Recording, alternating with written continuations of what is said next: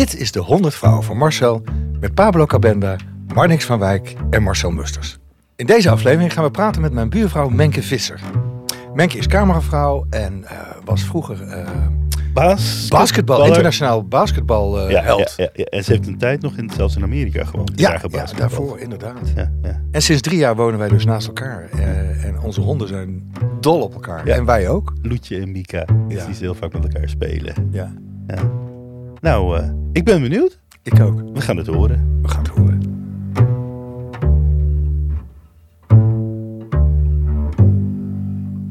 Er zit mijn leukste buur ever eh, naast me. Yay! En zo makkelijk, hè? Hup, Ja, gewoon van, eh, van je naast naar hier. ik hoefde niet opgehaald te worden. Nee, joh. Leuk, Menk. Super fijn.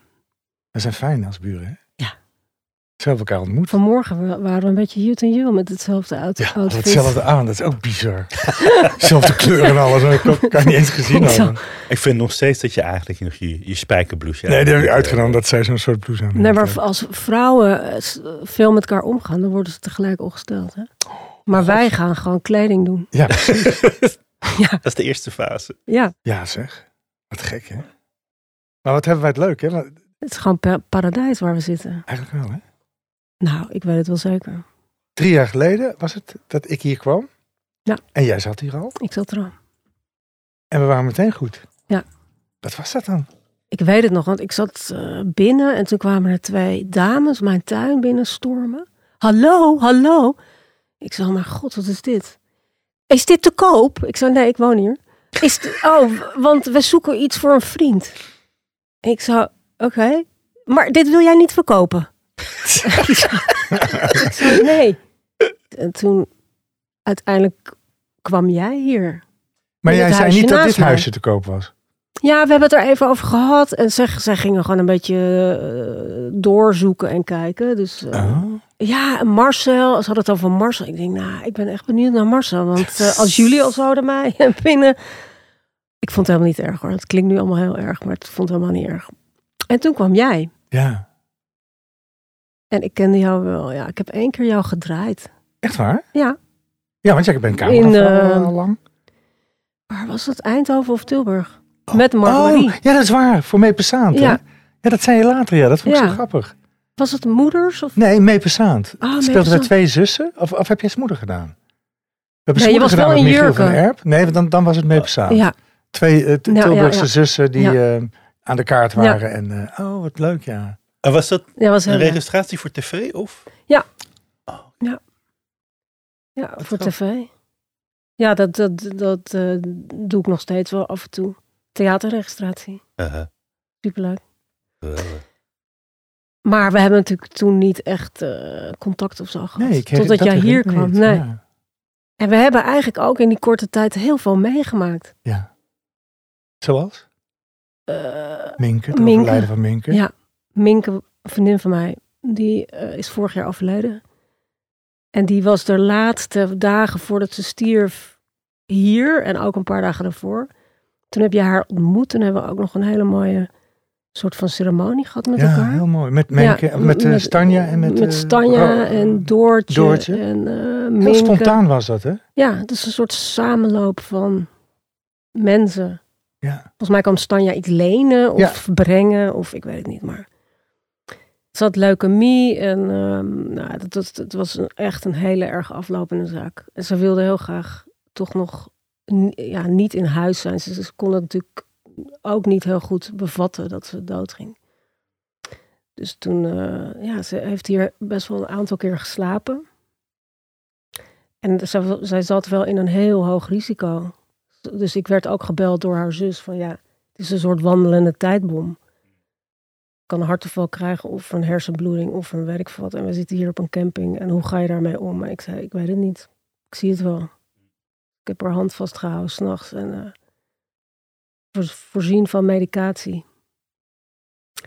En een paar dagen later is ze overleden. Jeetje. Want wat is de dood voor jou? Wat- wat betekent dat? Nou, dat is eigenlijk sinds het afgelopen jaar, want er zijn meer mensen overleden. Die me heel erg veel eh, indruk hebben gemaakt op mij en ook op andere mensen natuurlijk. Maar de zoon van een hele goede vriendin van mij is Oh ja. ook overleden, 18. Ja. En eh, maar door Minke ben ik heel erg met de dood ja, gaan nadenken van wat is dat? En eh, ben ik er min of meer wel achter gekomen. En mede ook omdat ik contact heb gehad met Minke, dat het allemaal niet zo heel heftig, of het is natuurlijk heel heftig, maar heel erg is om te sterven. Ja, dat denk ik ook. Ik denk dat het het ergst is voor de mensen die achterblijven. Ja. Ja, ja. En dat jij, jij gaat gewoon, eh, ja, misschien wel naar huis. Of naar een Ja, plek. daar hadden we het net over. Ja. Hè? Dat, Ja, dat jij ook altijd een gevoel hebt gehad dat je, dat je, dat je niet thuis bent. klopt. Dat je er niet bij past. Maar ik denk dat heel veel mensen dat overigens hebben. Nou, vooral vroeger heb ik dat gehad. Ik heb het nu, eigenlijk ben ik heel blij. Ik ben, word steeds blijer. Ja. Maar vroeger heb ik het wel gehad, ja. Ik, eh, En wat was dat dan? Wat voelde je dan?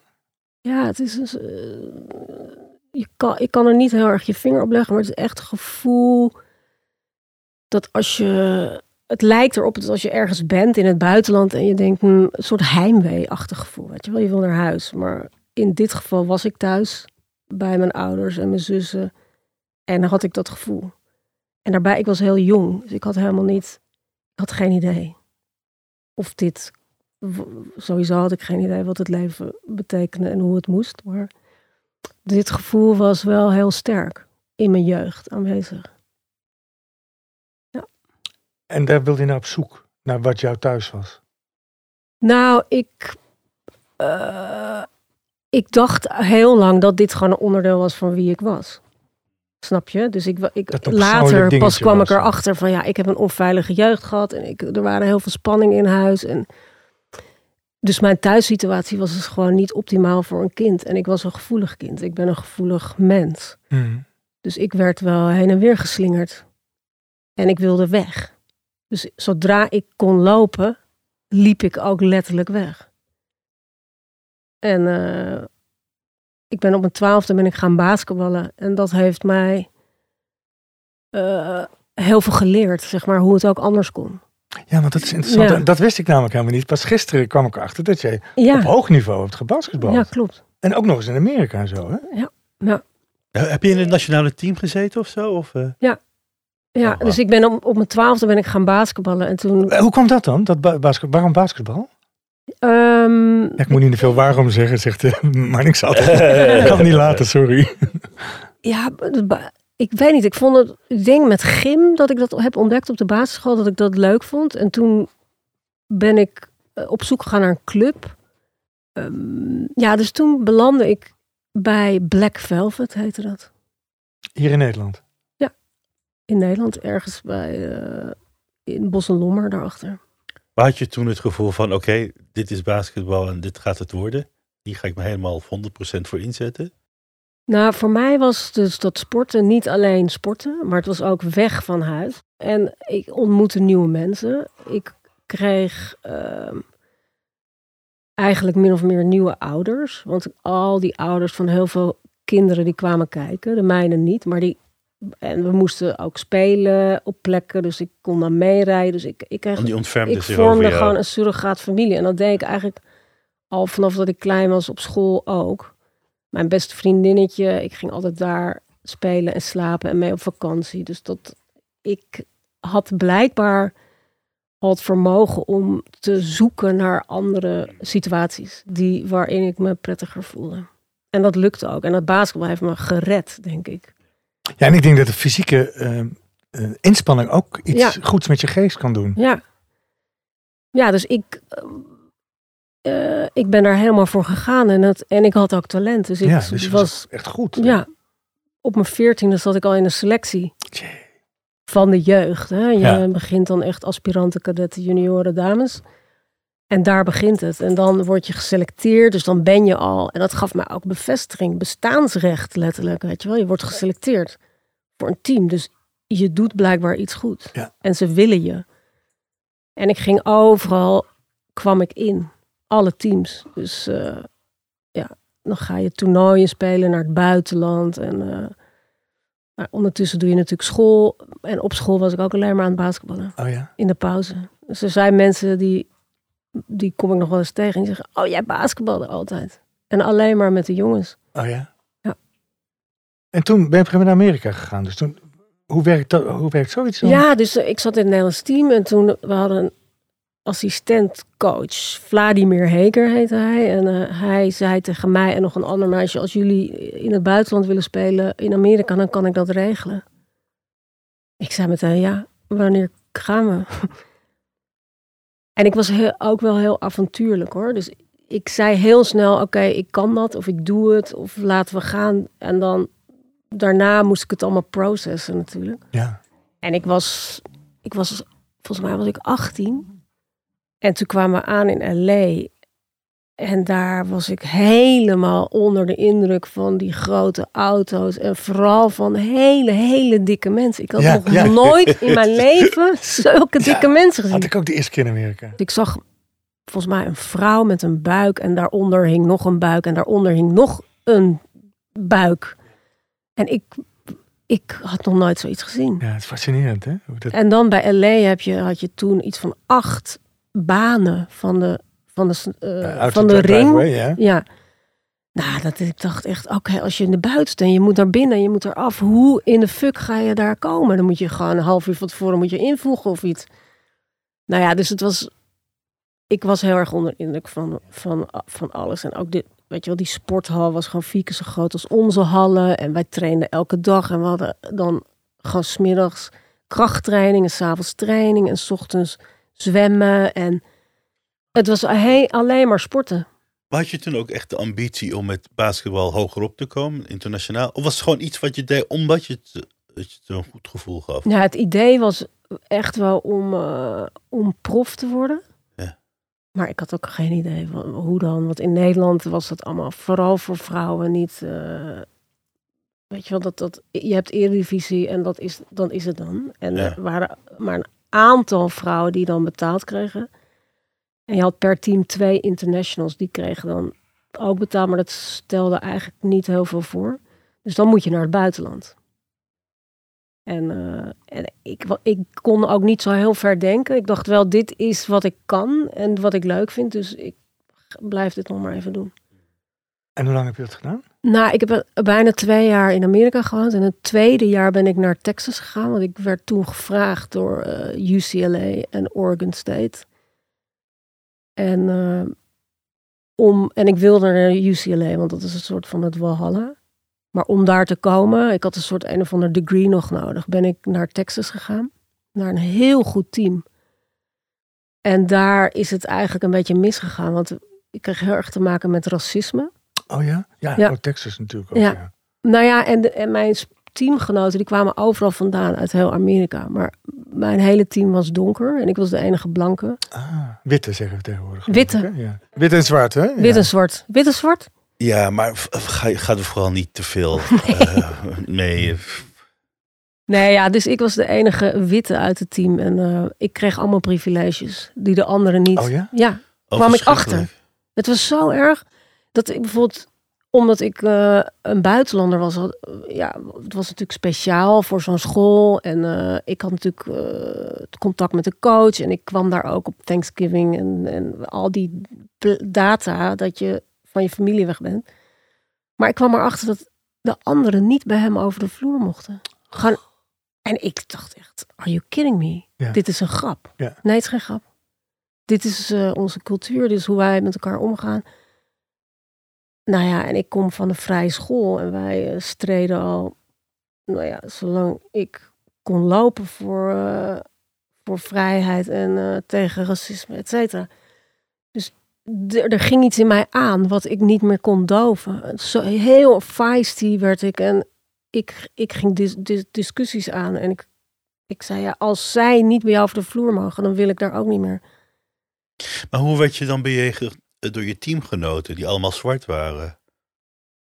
Nou ja, dus ik was, omdat ik uit Europa kwam, hadden ze bij mij wel iets van, ze is anders. En ik was ook anders. En ik wilde ook met mijn teamgenoten mee naar hun eh, familie. Want dan hoorde ik dat een broertje, die speelde dan American voetbal. En dan dacht ik, oké, ik kom kijken. En dan zei ze, maar eh daar moet ik echt overleggen, want je bent wit.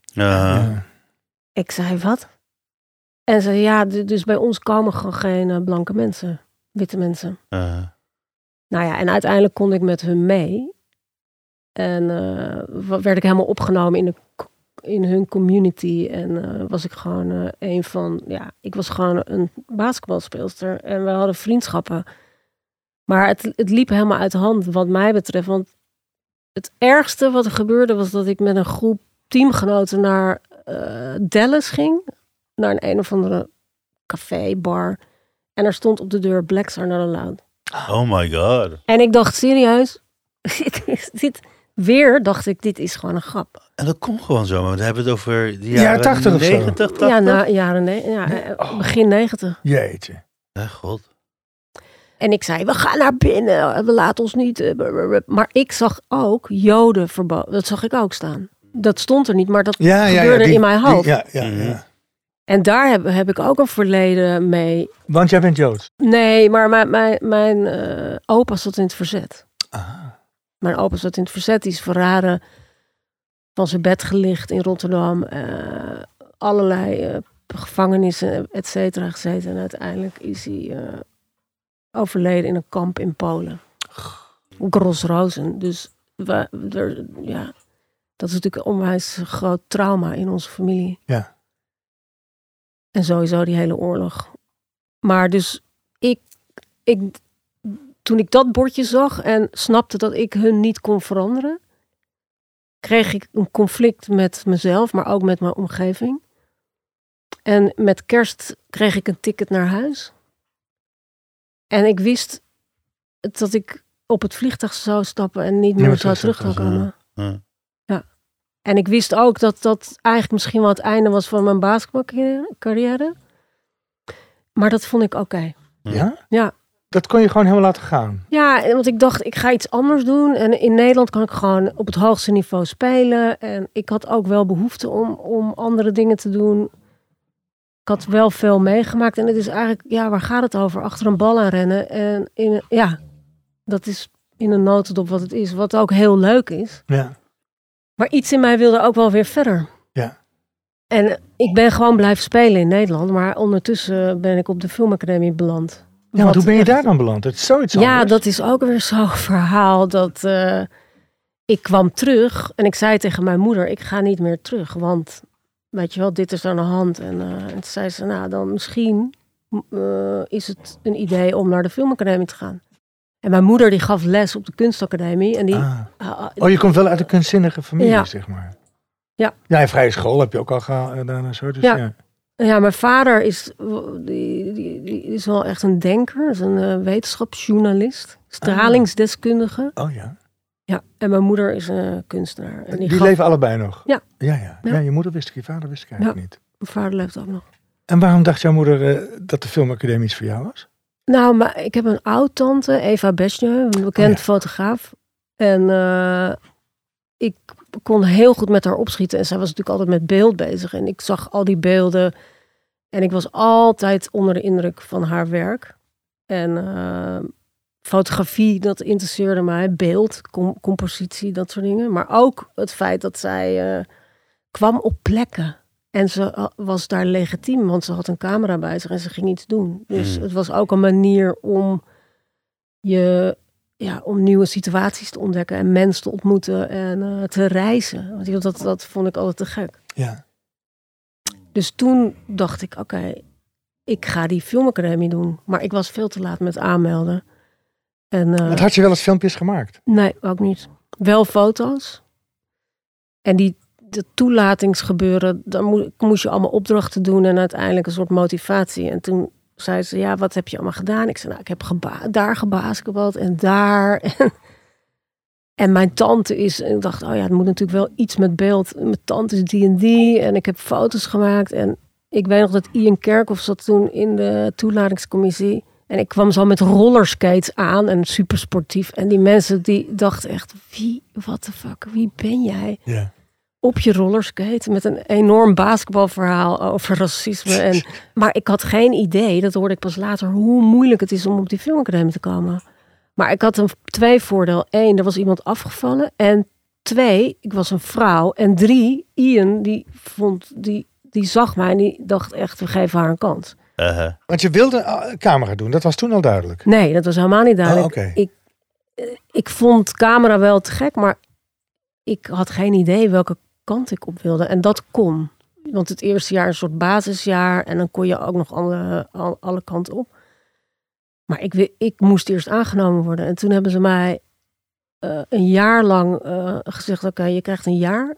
Daarin moet je je echt bewijzen, want dit niveau is gewoon hoog. En eh, dan zien we weer verder. Dus het kan echt zijn dat je na een jaar toch een andere opleiding moet gaan doen. Maar je was lang blij natuurlijk dat je Nee, hoor, aangenomen ik was niet van die academie af te slaan. Ja. Ja, zat ik weer in de bibliotheek of in de studio of uh, joe, je moet nu echt naar huis. Oh, oké.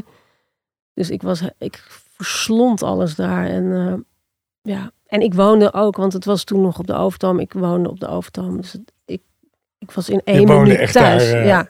Terwijl ik had dus mensen uit mijn klas toen, die kwamen echt uit Den Haag en uit Leiden en weet ik van waar. En ik, ik rolde gewoon zo die school in, nam uit mijn bed zo de school in. Dus het, eh, ja. En uiteindelijk ben ik heel veel camera gaan doen, dus eindexamenfilms, et cetera. En toen ik klaar was, toen ben ik naar AT5. Daar ben ik, ja. En daar maakte je items of zo? Of? Ja, dus daar kwam ik binnen als cameravrouw. Was dat En bij- toen opvallend trouwens? Was je een, een van de weinige Ja, cameravrouwen? Mm, Bij jullie op school toen? Of Mm. dat was wel vaker? Nee, op, bij mij op school was ik een van de weinigen. Ja. En bij AT5 was, eh, was er nog een cameravrouw, een Manon. En daar ben ik toen heel erg bevriend mee geraakt. Maar dat AT5 was eerst een soort stageplek. Want dat doen ze meteen. Dan doen ze, maakt niet uit waar je vandaan komt. Je krijgt eerst een stageplek. En dan, eh, ja, en dan word je gewoon eh, betaald. En heb ik me helemaal de pleuris gewerkt. Bij AT5. Dus heel veel kilometers gemaakt met die camera. Ja. En die waren toen heel zwaar. Ja, man. En dan had je ook nog zo'n riem met batterijen. Ja, nou, ik weet niet hoe ik het deed. Dat Maar is ik topsport. sporten. Ja, Ik sportte ook elke dag. Wauw. Heb je als cameravrouw, heb je dan op een gegeven moment ook een eh, bepaald genre wat je favoriet is? Het soort van filmen? Eh, ik vond eigenlijk heel veel dingen heel leuk. En ook omdat het, ja, alles was een beetje nieuw bij AT5. Dus ik draaide dan, eh, ik draaide ook commercialtjes, maar ook studio. Ik deed heel veel buitenreportages, lange reportages, korte reportages. En ik leerde heel veel mensen kennen en vooral heel veel draaien. Alles handheld en eh, ja, je leert daar heel veel van, weet je wel. Als je je rijwijze hebt, dan moet je gaan rijden. Heel Mhm. veel rijden.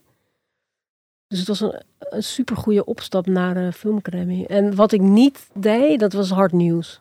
Mhm. Zeg maar van, er is een ongeluk, we moeten nu daarheen. En dan zei ik, nou, dat ga ik echt niet doen. Hm. Op één na, dat was... eh, toen reden we bij het Gelderlandplein, er was iemand doodgeschoten. We wisten niet precies wat er aan de hand was. Wij gingen daarheen, want we werden gebeld van jullie zijn dichtbij als ploeg daarheen. Het schijnt groot te zijn, iets met een criminele toestand. En toen heb ik daar het lijk gefilmd van Sam Klepper. Oké. Sammetje Klepper. En dat was heel abstract, want er lag gewoon een man. En ik kon echt letterlijk hem aanraken, want het was nog helemaal niet afgezet. Zo snel waren wij erbij. Oh. Oh, voor de politie nog? Ja. En ik, er was ook geen bloed of iets. Eh, hij la- ja, lag gewoon daar. Hij werd ook nog een beetje omgedraaid. Er werd nog een pistool uitgehaald. En ik was het gewoon een soort van heel poëtisch aan het draaien.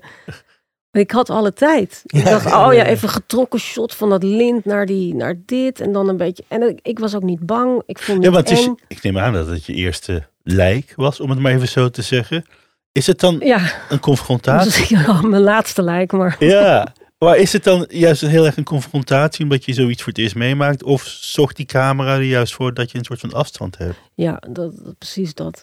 Ah, ik vond het ook niet eng. Ik vond het juist wel spannend of zo, avontuurlijk. En ik had die camera, die zit ertussen. Dus ik deed met camera echt meer, Mm. durfde ik meer dan zonder camera. Ik ben ook echt op hele grote hoogtes, waar, waar ik nu niet zonder camera in zou. Maar met, ja hoor, geen probleem. Uh-huh. Heel gek. Ja, wonderlijk is het. hè? Alsof dat je beschermt of Ja. zo. Ja, dat heb ik een beetje met acteren gehad. Ja, dat snap ik, ja. Gek is dat, hè? Ja. Dan durf je meer Ja. dan je zelf durft. Terwijl het is gewoon een spel. Je bent gewoon aan het spelen eigenlijk.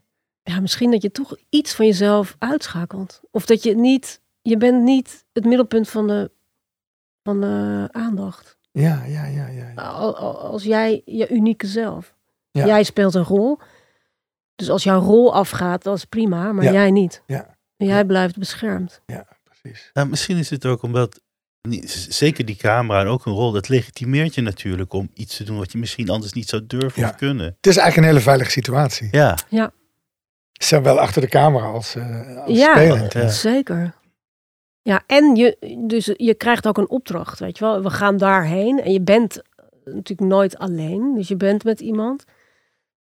Ja, en helemaal met dat Sam Klepper. Nou ja, ik bedoel, zoveel... Het heeft toen indruk op me gemaakt, maar daarna, ook, weet je wel, ook niet meer zo heel erg. Dan heb ik wel andere dingen gedraaid die nog meer indruk hebben gemaakt. Maar dit ging wel de hele wereld rond, Ja. die beelden. Dus eh, uiteindelijk snapte ik, dit is echt een hele grote crimineel. ja, ja. Ja, dus AT5 was voor mij echt een broedplaats. En voor vele anderen. Ik leerde daar mensen als Hadassa, de Hadassa Boer. inderdaad. Ja, Hadassa. Joost van Krieken. Eh, nou ja, noem maar op. Dus, en met Hadassa ben ik ook bevriend geraakt. En Hadassa kwam op een gegeven moment naar mij toe van... hey, ik eh, wil graag een documentaire maken over Barry Hay. Mhm. Wil jij... eh, Oh. Voordat ze uitgesproken was, zei ik ja. Wanneer en wat gaan we doen? Ja. En ze zei, ik heb geen geld. Ze maakt niet uit. We zijn gewoon gaan draaien. En hij werd toen volgens mij 60 of 65, dat weet ik even niet meer. Maar had wel een hele grote show in Paradiso. Ja. Hij was daarvoor aan het, eh, aan het repeteren, zeg maar. En wij gingen naar Curaçao, naar zijn huis toe. Voor die verjaardag. En uiteindelijk bleek dus dat wij... Wij sliepen ook bij hem in een villa. Eh, dat we een van de weinigen waren daar. Er was één vriend, Robert, die architect. Ik weet even niet meer hoe heet. Maakt niet uit. Maar ehm, ja, dus wij zaten daar. En, en die avond werd hij knijterdronken. En het was één grote chaos met chihuahuas overal en poep en dingen. En ik heb dingen geschoten waarvan ik echt denk, dit moet ik weggooien. Want dit kan niet, weet Oh. je wel, dit kan niet eh, de buitenwereld in of zo. En zijn vrouw Sandra, nou, ik vond het allemaal helemaal te gek. Ik vond hun fantastisch. En eh, het was echt rock'n'roll en ook heel poepchique villa en dingen. Ja, ja, ja, ja. Dus eh, ik, ik vond het fantastisch. En met Hadassa en Manon Lichtveld waren met z'n drieën daar. Het was gewoon echt gek. Ik dacht, dit is gewoon het leukste ever. Ja. En dit is gewoon mijn baan. Ja. Hoe leuk is dat? En dat was al voor uh, van de Wolf of was dat een onafhankelijke? Nee, we zijn het gaan maken en uiteindelijk is het toen uh, naar het Uur van de Wolf gegaan, inderdaad. Maar we, we, kijk, wat uh, AT5 heeft uh, mij in contact gebracht met Theo van Gogh. En dat was ook Ja. een belangrijke. Ja. Want toen hij stierf, en ik zou die dag daarna met hem draaien notabene, maar goed, hij werd vermoord. En hij had altijd een wens om zijn films te laten remaken door Amerikaanse, met Amerikaanse acteurs en regisseurs. Mhm. En dat, he- het feit dat hij vermoord werd, eh, heeft dat hele proces versneld. Ja. En toen kwam er dus een groep eh, mannen, Steve Buscemi, Steve John ja, ja. Turturro en eh, Stanley Tucci. En een producent. En toen konden we het ineens gaan maken. En dat heb jij gedraaid? En dat heb ik gedraaid. Wauw. Twee, ik heb er twee interview en blind date heb ik gedraaid. Oh ja, interview ook, ja. Ja. Actrice. Dus wij draaiden het met Steve Buscemi Ja. en Shanna Miller. Ja.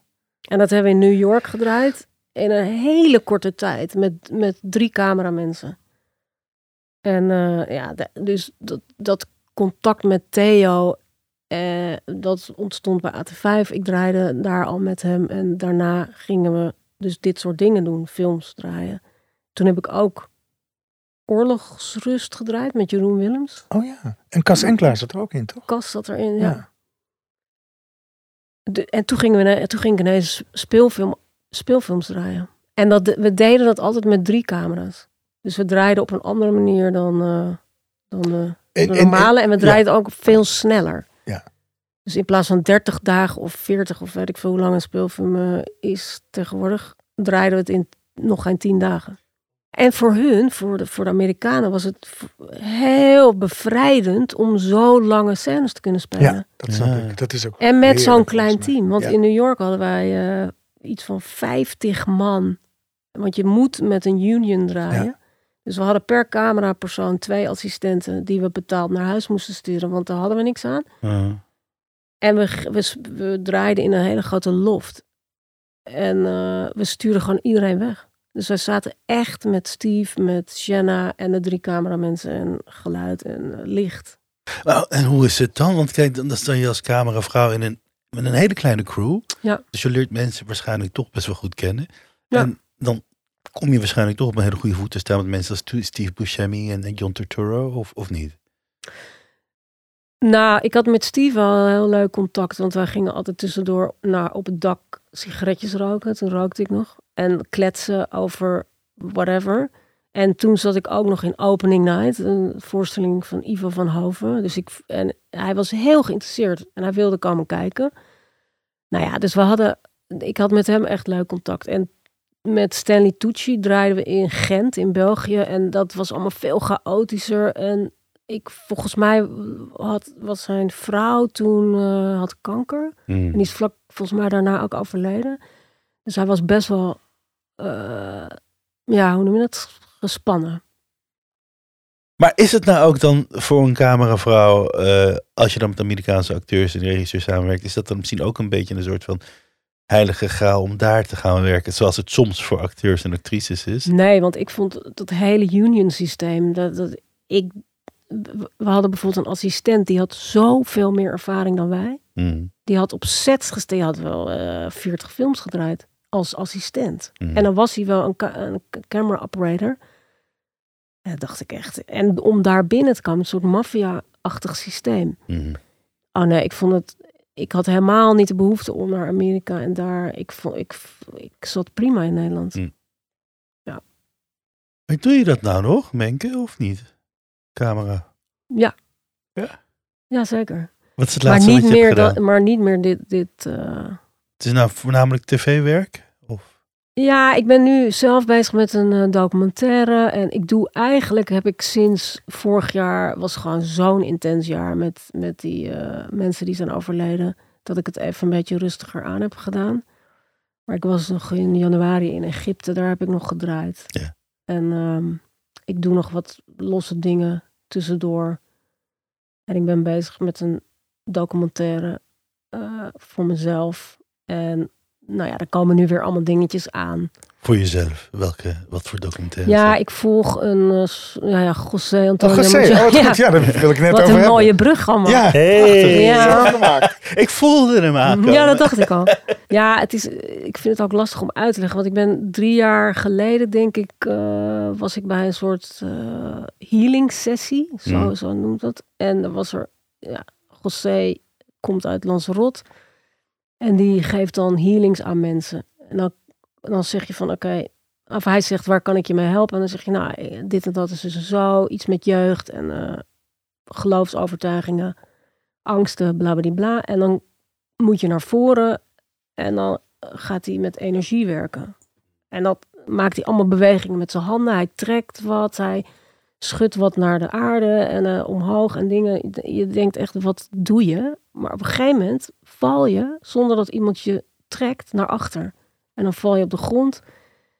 En dan in mijn geval lag ik heel stil en alles was leeg. Mijn hoofd was leeg. Ik voelde me echt rustiger dan dat ik me ooit in mijn leven heb gevoeld. En ik lag naast een vrouw en daar kwam de hele oorlog uit. Dus die kreeg een catharsis. Die begon te schudden en te schreeuwen en te doen. En eh, nou ja, die had dus een soort oorlogstrauma. En dat kwam eruit. En ik dacht nog, oh mijn god, die vrouw die moet, moet getroost worden of water of iets. En die bleef gewoon liggen. Niemand deed wat. Nou ja, en later snapte ik dus dat het al die energie die erin zit, die, die komt er dan uit. En hij opent dat met zijn energietechnieken, want het zijn echt technieken die hij toepast. En ik was zo onder de indruk. En naast die vrouw lag weer een meisje, die was depressief. En daarnaast lag weer, weet je wel, iedereen had zoiets. En ik aan het eind van de rit zei ik, zonder dat ik erbij nadacht, liep ik naar hem toe en ik zei, ik wil een documentaire over jou maken. Mhm. En toen keek hij mij aan en zei hij, dat is goed. En toen dacht ik, oké, ik heb geen idee. hoe dit moet of wat ga ik dan doen. En toen ging ik dat helemaal processen natuurlijk. Want het was allemaal zo, zonder na te denken ging ik dat doen. En nou ja, uiteindelijk ben ik, ehm, ben ik naar Lanzarote gegaan een paar keer. Ik heb heel veel van zijn eh, teachings en zijn, eh, zijn healings gedraaid. En heel veel testimonials gedraaid en eh, boeken gelezen. En, nou ja, en op een gegeven moment liep ik vast. Want ik wist niet zo goed hoe ik verder kon, omdat hij ver weg was. En Mhm. hij zei tegen mij: Ik wil niet op een voetstuk. Ik wil eigenlijk bijna anoniem blijven. Dat is natuurlijk heel gek als je over iemand een film maakt. Ja. Zeg maar, hoe moet dat dan nu? Zei, ja, die film gaat eigenlijk over jou. Denk ik. Maar hij liet mij dat zelf zeggen trouwens. En een aantal mensen zeiden al van ja, maar die film gaat over jou. En toen zei ik, ja, maar dit, dit, dit is helemaal niet de bedoeling. ik wil geen film maken over mezelf. Maar het ging ik over na en ik dacht, ik, hij heeft gelijk. Maar ik vind het heel spannend. En hoe ga ik dit aanpakken? En nou ja, toen kreeg ik natuurlijk een hele gekke coronatijd. En eh, afstand. En toen gebeurde dus dat met eh, die vriendin Minke. En ik verloor mijn gehoor. Weet je, er gebeurde zoveel intense dingen. Dat ik elke keer wil ik weer beginnen met, het, met de montage. Want ik heb al een deel gemonteerd. En dan denk ik, ja, maar dit is eigenlijk veel belangrijker. En ik voel me nu toch niet meer zoals ik me toen voelde. Ja, ja. Dus eh, ja, dus het is een ingewikkeld document. Ja, maar En volgens mij moet ook- je de tijd nemen. Is, Ja, ik is moet dat het belangrijkste? ja. En, En de hij- ruimte om, om Ja. het te laten gebeuren. Ja, dus dat, dat doe ik ook. En, en, en soms verlies ik er even grip op en dan komt het weer helemaal terug. Eh, het is natuurlijk heel anders dan wat ik normaal doe. Maar Ja. het is een hele grote uitdaging en ik vind het heel spannend en ik ga het gewoon doen. Ja, want ondertussen volg je regelmatig, ook met regelmaat zijn teachings, weet je Zeker. wel. Ik zeker. ook nu, ja. door jou. Super interessant. Je hebt trouwens mij ook gefilmd bij zo'n sessie. Ja, ja precies. dat ik ja, ik heb je ook gefilmd. En het ging precies zoals ze zei. Want ik, dan Ja, doet hij ja. dingen zo en dan, shh, dan val je zo naar achter. Ja. En dan is het heel Het is werkelijk het- heel merkwaardig wat daar gebeurt. Maar het mooie is, hij vertelt dus, misschien moet je dat vertellen, want wat hij gedaan heeft, eh, eh, hoe die geworden is tot hij wie die is. Ja, precies. Dus, dus eh, nou ja, hij was heel jong en, en er waren ehm, Tibetanen op het eiland, op Lanzarote. En die ging hij surfles geven op Ja. de momenten dat zij niet hoefde te teachen. Mhm. Want dat wist ik niet eens. Leuk. Ja, dat is echt in een notendop, want het verhaal is wel iets langer. Maar Gewoon als een surfende boeddhistische monniken. ja, maar die, die, die mensen die konden, die, die hadden dat nog nooit gedaan. Dus hij ging dat, hij was, hij is echt een surfer. Ja. Eh, zo ziet hij er ook uit. Hij heeft altijd zo'n petje op. En eh, nou ja, hij kan onwijs goed surfen, denk ik. Ik heb het nog nooit gezien, maar volgens mij kan hij heel goed surfen. Maar hij ging dus die mensen in hun vrije tijd eh, surfles geven. En één van die Tibetanen, die zwikte zijn enkel. Best wel pittig. En die kreeg een enorme blauwe, dikke enkel. En hij zei, oké, want hij moest voor die mensen zorgen. Hij dacht, oké, we moeten nu naar de dokter. Toch foto's nemen, kijken of het niet gebroken is. Bla, bla, bla. En die Tibetaan zei, nee, laat mij maar even. Geef me even tien minuten en dan ben ik weer oké. Hij zat echt, sorry? Nou, en toen zag je dus die man die technieken uitvoeren op zijn eigen voet. Mhm. En hij zag gewoon letterlijk die voet weer normaal worden. En na tien minuten of een kwartier of whatever staat hij op en zegt, nou, we kunnen weer verder. Wauw. En toen was hij zo onder de indruk. En toen zei hij, ik weet niet wat jullie doen, maar ik wil dat ook. En eh, toen is hij die teachings daar op Lanzarote gaan volgen. En uiteindelijk wilde hij naar Nepal. En eh, heeft hij al zijn spullen verkocht, is hij naar Nepal gegaan. Heeft hij daar eh, allemaal teachings gevolgd bij de Tibetanen. En uiteindelijk is dat helemaal uitgegroeid tot, eh, ja, is hij bij de Aboriginals beland. En Ja. heeft hij allemaal masters ontmoet. En eh, hij is zelf ook nu een eh, master geworden. Ja, dus zowel de Tibetanen als de Aboriginals, die hebben al eeuwenlang, eh, werken ze met energie. En kijken ze naar dingen op een hele andere manier dan wij. Ja. Ze zijn veel meer verbonden met de natuur. En ze leven veel meer vanuit hun natuurlijke eh, gedrag, zeg maar. Weet je wel, wij zijn geprogrammeerd. Wij vinden dat je normaal moet leven. Maar zij vinden dat je natuurlijk moet leven. Je natuurlijke zelf.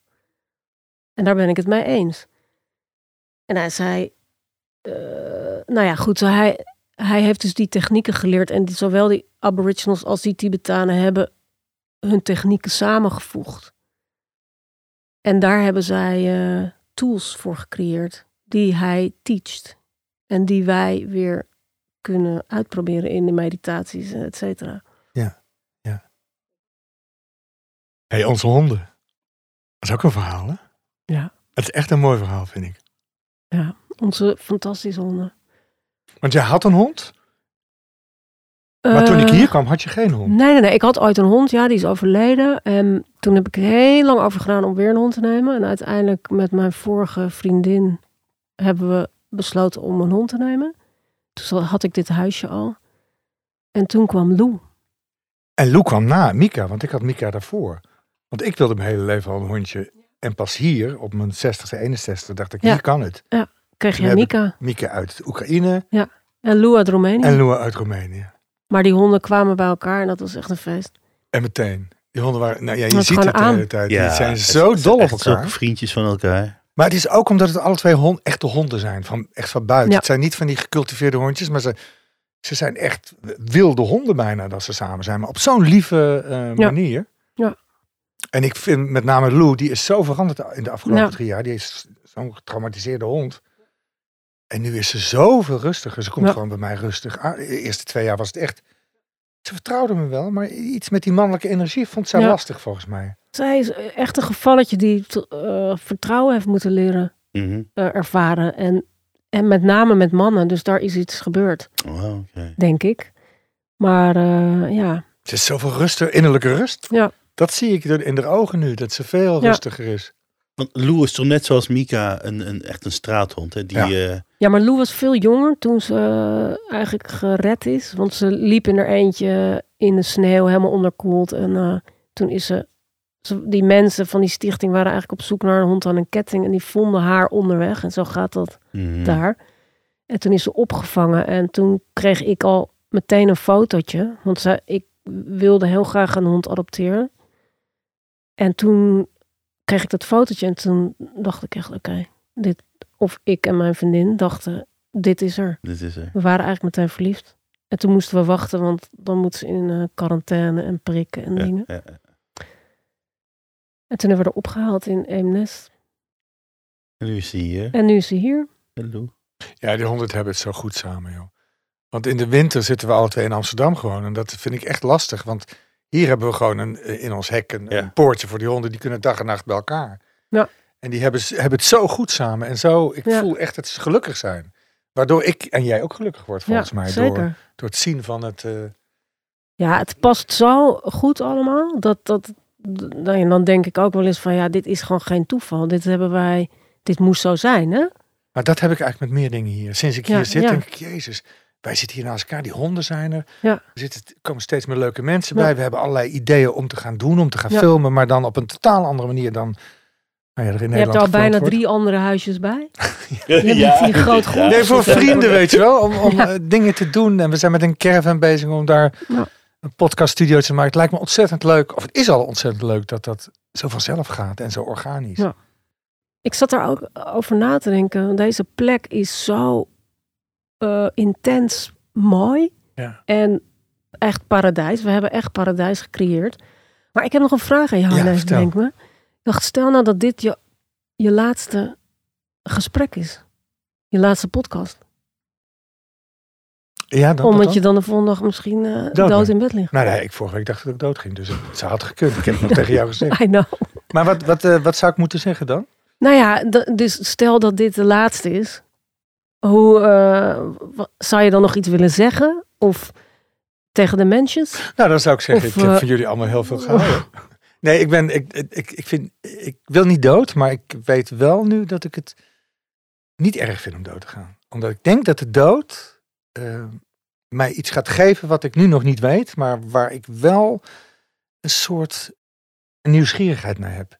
Ik ben heel benieuwd en ik vind het leven wel heel zwaar eigenlijk. En ik vind ouder worden best moeilijk. En ik denk, jezus, moet ik nou ook zo'n man van 87 worden? Ik snap nu goed, mijn moeder die is op de 69 gestorven. En die zei altijd, Marcel, ik hoef niet echt oud te worden. Ik wil niet, dit is, en dit, en, Ja, dat is- zeg jij ook steeds. hè? en ik denk ook van, maar ze heeft groot gelijk. Want er is haar zoveel bespaard gebleven. Ja. Ze is gewoon op tijd gestorven. Dus als ik... Nou, ik wil volgende week nog niet sterven. Ik, ik denk allemaal zo eh, begin 70, 74 of zo. Ja, nee, want het is nu. Ik heb het idee dat, dat jij zo nu in je natuurlijke eh, zelf eh, aan het belanden bent. Ja, ah, ja, hoe meer ik achter dingen kom waarvan ik voel, oh dat klopt. Eh, eh, is het makkelijker voor mij om mensen te zijn en te snappen van dat de richting die ik ga wel de goede kant op is. Weet je Ja, wel? ja, ja. ja. Want ik, ik merk, nou ja, ik heb dan in te, te vaak in podcast gezegd dat ik toch in een soort man in verwarring ben mijn hele leven. Maar door alle informatie die. En dat komt door alle informatie die ik heb gekregen Ja. in het begin van mijn leven. En de meeste mensen. Nee, maar ik denk dat we allemaal totaal in de war zijn. Ja, toch? Ja. Dat, we zijn we hebben proberen. geen idee. Echt geen idee. Ik heb het idee dat wij nu. eh, nou, wij zijn de eerste generaties die dat trauma. De, naar trauma kunnen kijken wat elk mens oploopt in zijn eerste zeven jaar. Dus dat is volgens mij een heel groot verschil met andere generaties. Dus daarom denk ik wel dat er iets, echt iets wezenlijks gaat veranderen in wat mens zijn is. Dat we misschien dichterbij komen bij wat de bedoeling is. Ja, is er een bedoeling? Nee. Ja, ik denk dat, dat sowieso. Ik denk wel dat er dat. En dat is ook iets wat misschien altijd al gaande is. En dat het misschien onder invloed zelfs van AI en zo. Het mens zijn zal veranderen. Of wat we daaronder opvatten. Maar of dat heel eh, uniek is voor onze generatie, dat weet ik niet. Nou ja, we hebben in ieder geval de tijd. Ja. Ik kijk, als ik kijk naar mijn moeder en, en, en Ja. haar zussen. Die zagen elkaar dinsdag eh, met kaarten. En dan hadden ze het over het hele leven. Want ze waren veel te druk. Dus die kwamen niet eens toe aan dingen waar wij nu alleen al door die podcast aan toekomen. Om het over te hebben en over na te denken.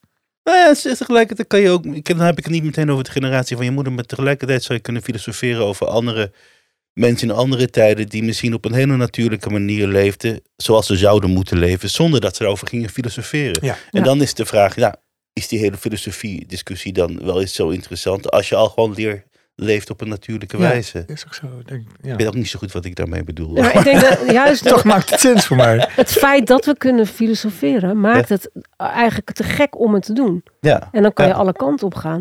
Maar ik denk dat het essentieel is dat je in het moment leeft. Ja. En je Nou, geen, al- niet je al te veel zorgen maakt over morgen. En dat je gisteren gewoon ja, realiseert, dat is, dat is niet meer. Dus ook die pijn van toen is niet meer aan de hand nu. En dat dragen wij maar met ons mee. Ik wil nog even weten trouwens. Want jij was ineens doof. En één Ja, oh vorig ja. jaar. Ja, dit, dat is, eh, even kijken, nu drie jaar geleden. Al drie jaar? Ja, Jeetje. Ik dacht vorig jaar. nee, maar de tijd gaat natuurlijk super snel.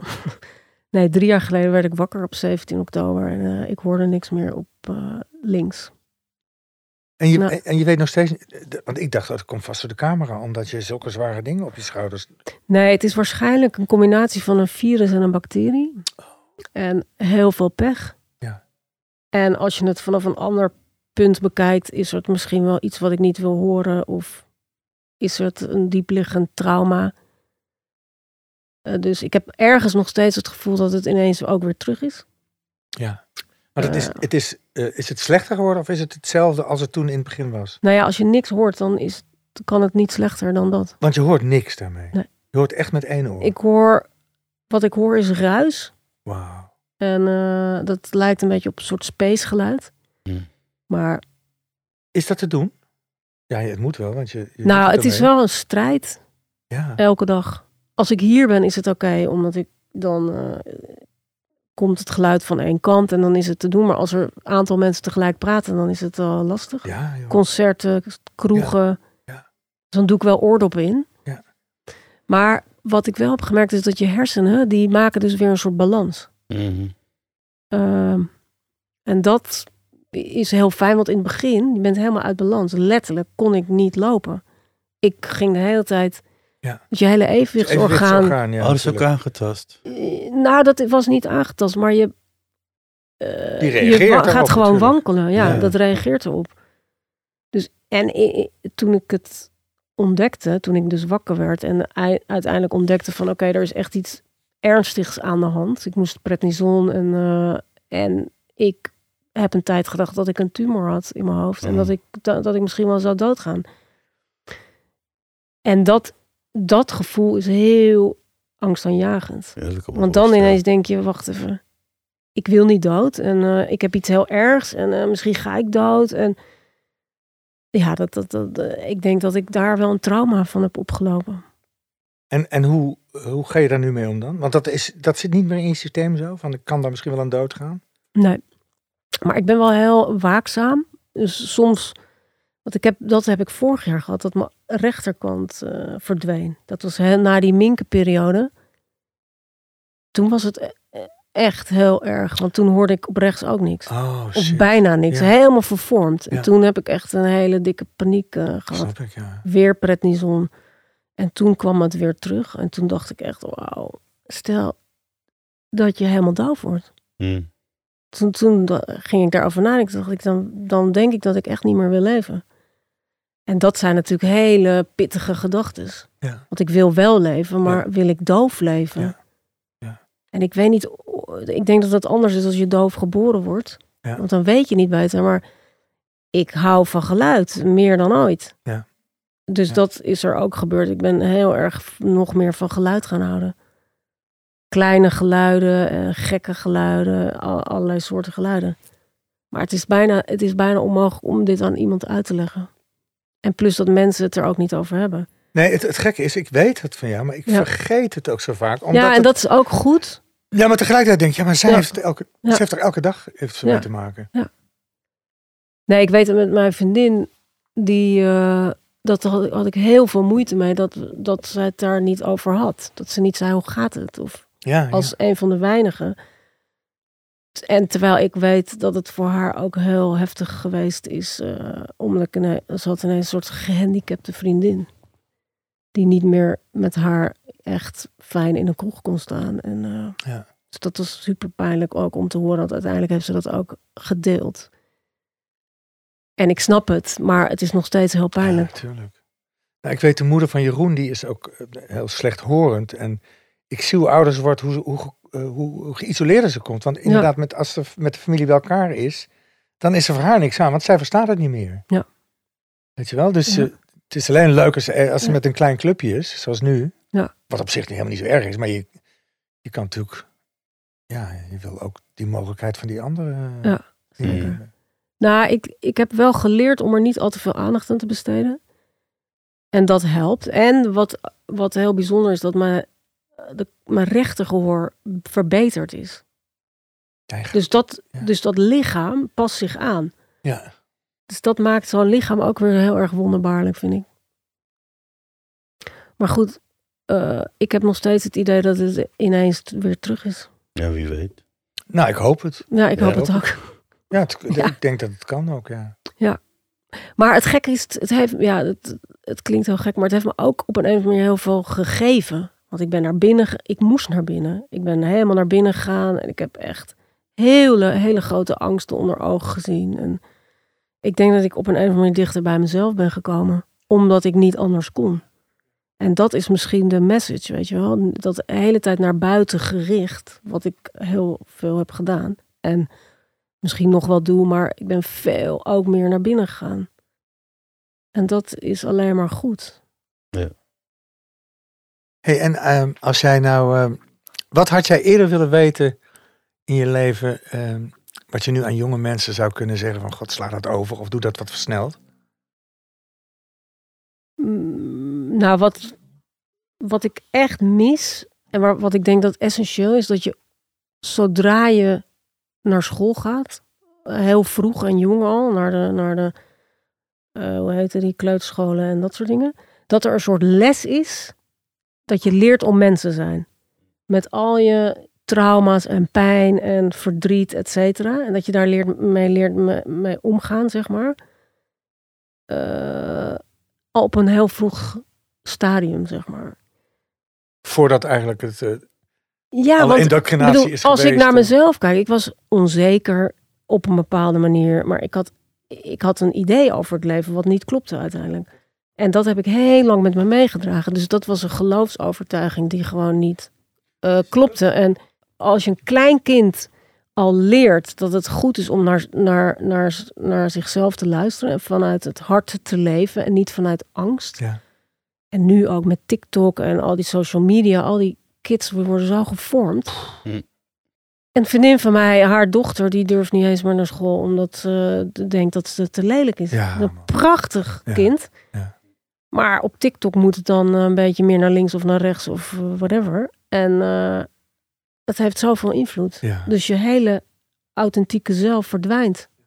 Door een een of andere idee van de maatschappij. idee, ja. Ja. Een commercieel idee. En dat is levensgevaarlijk, kan ik je Ja. vertellen. Ja, ja, ja. Maar daar zitten we middenin, in die...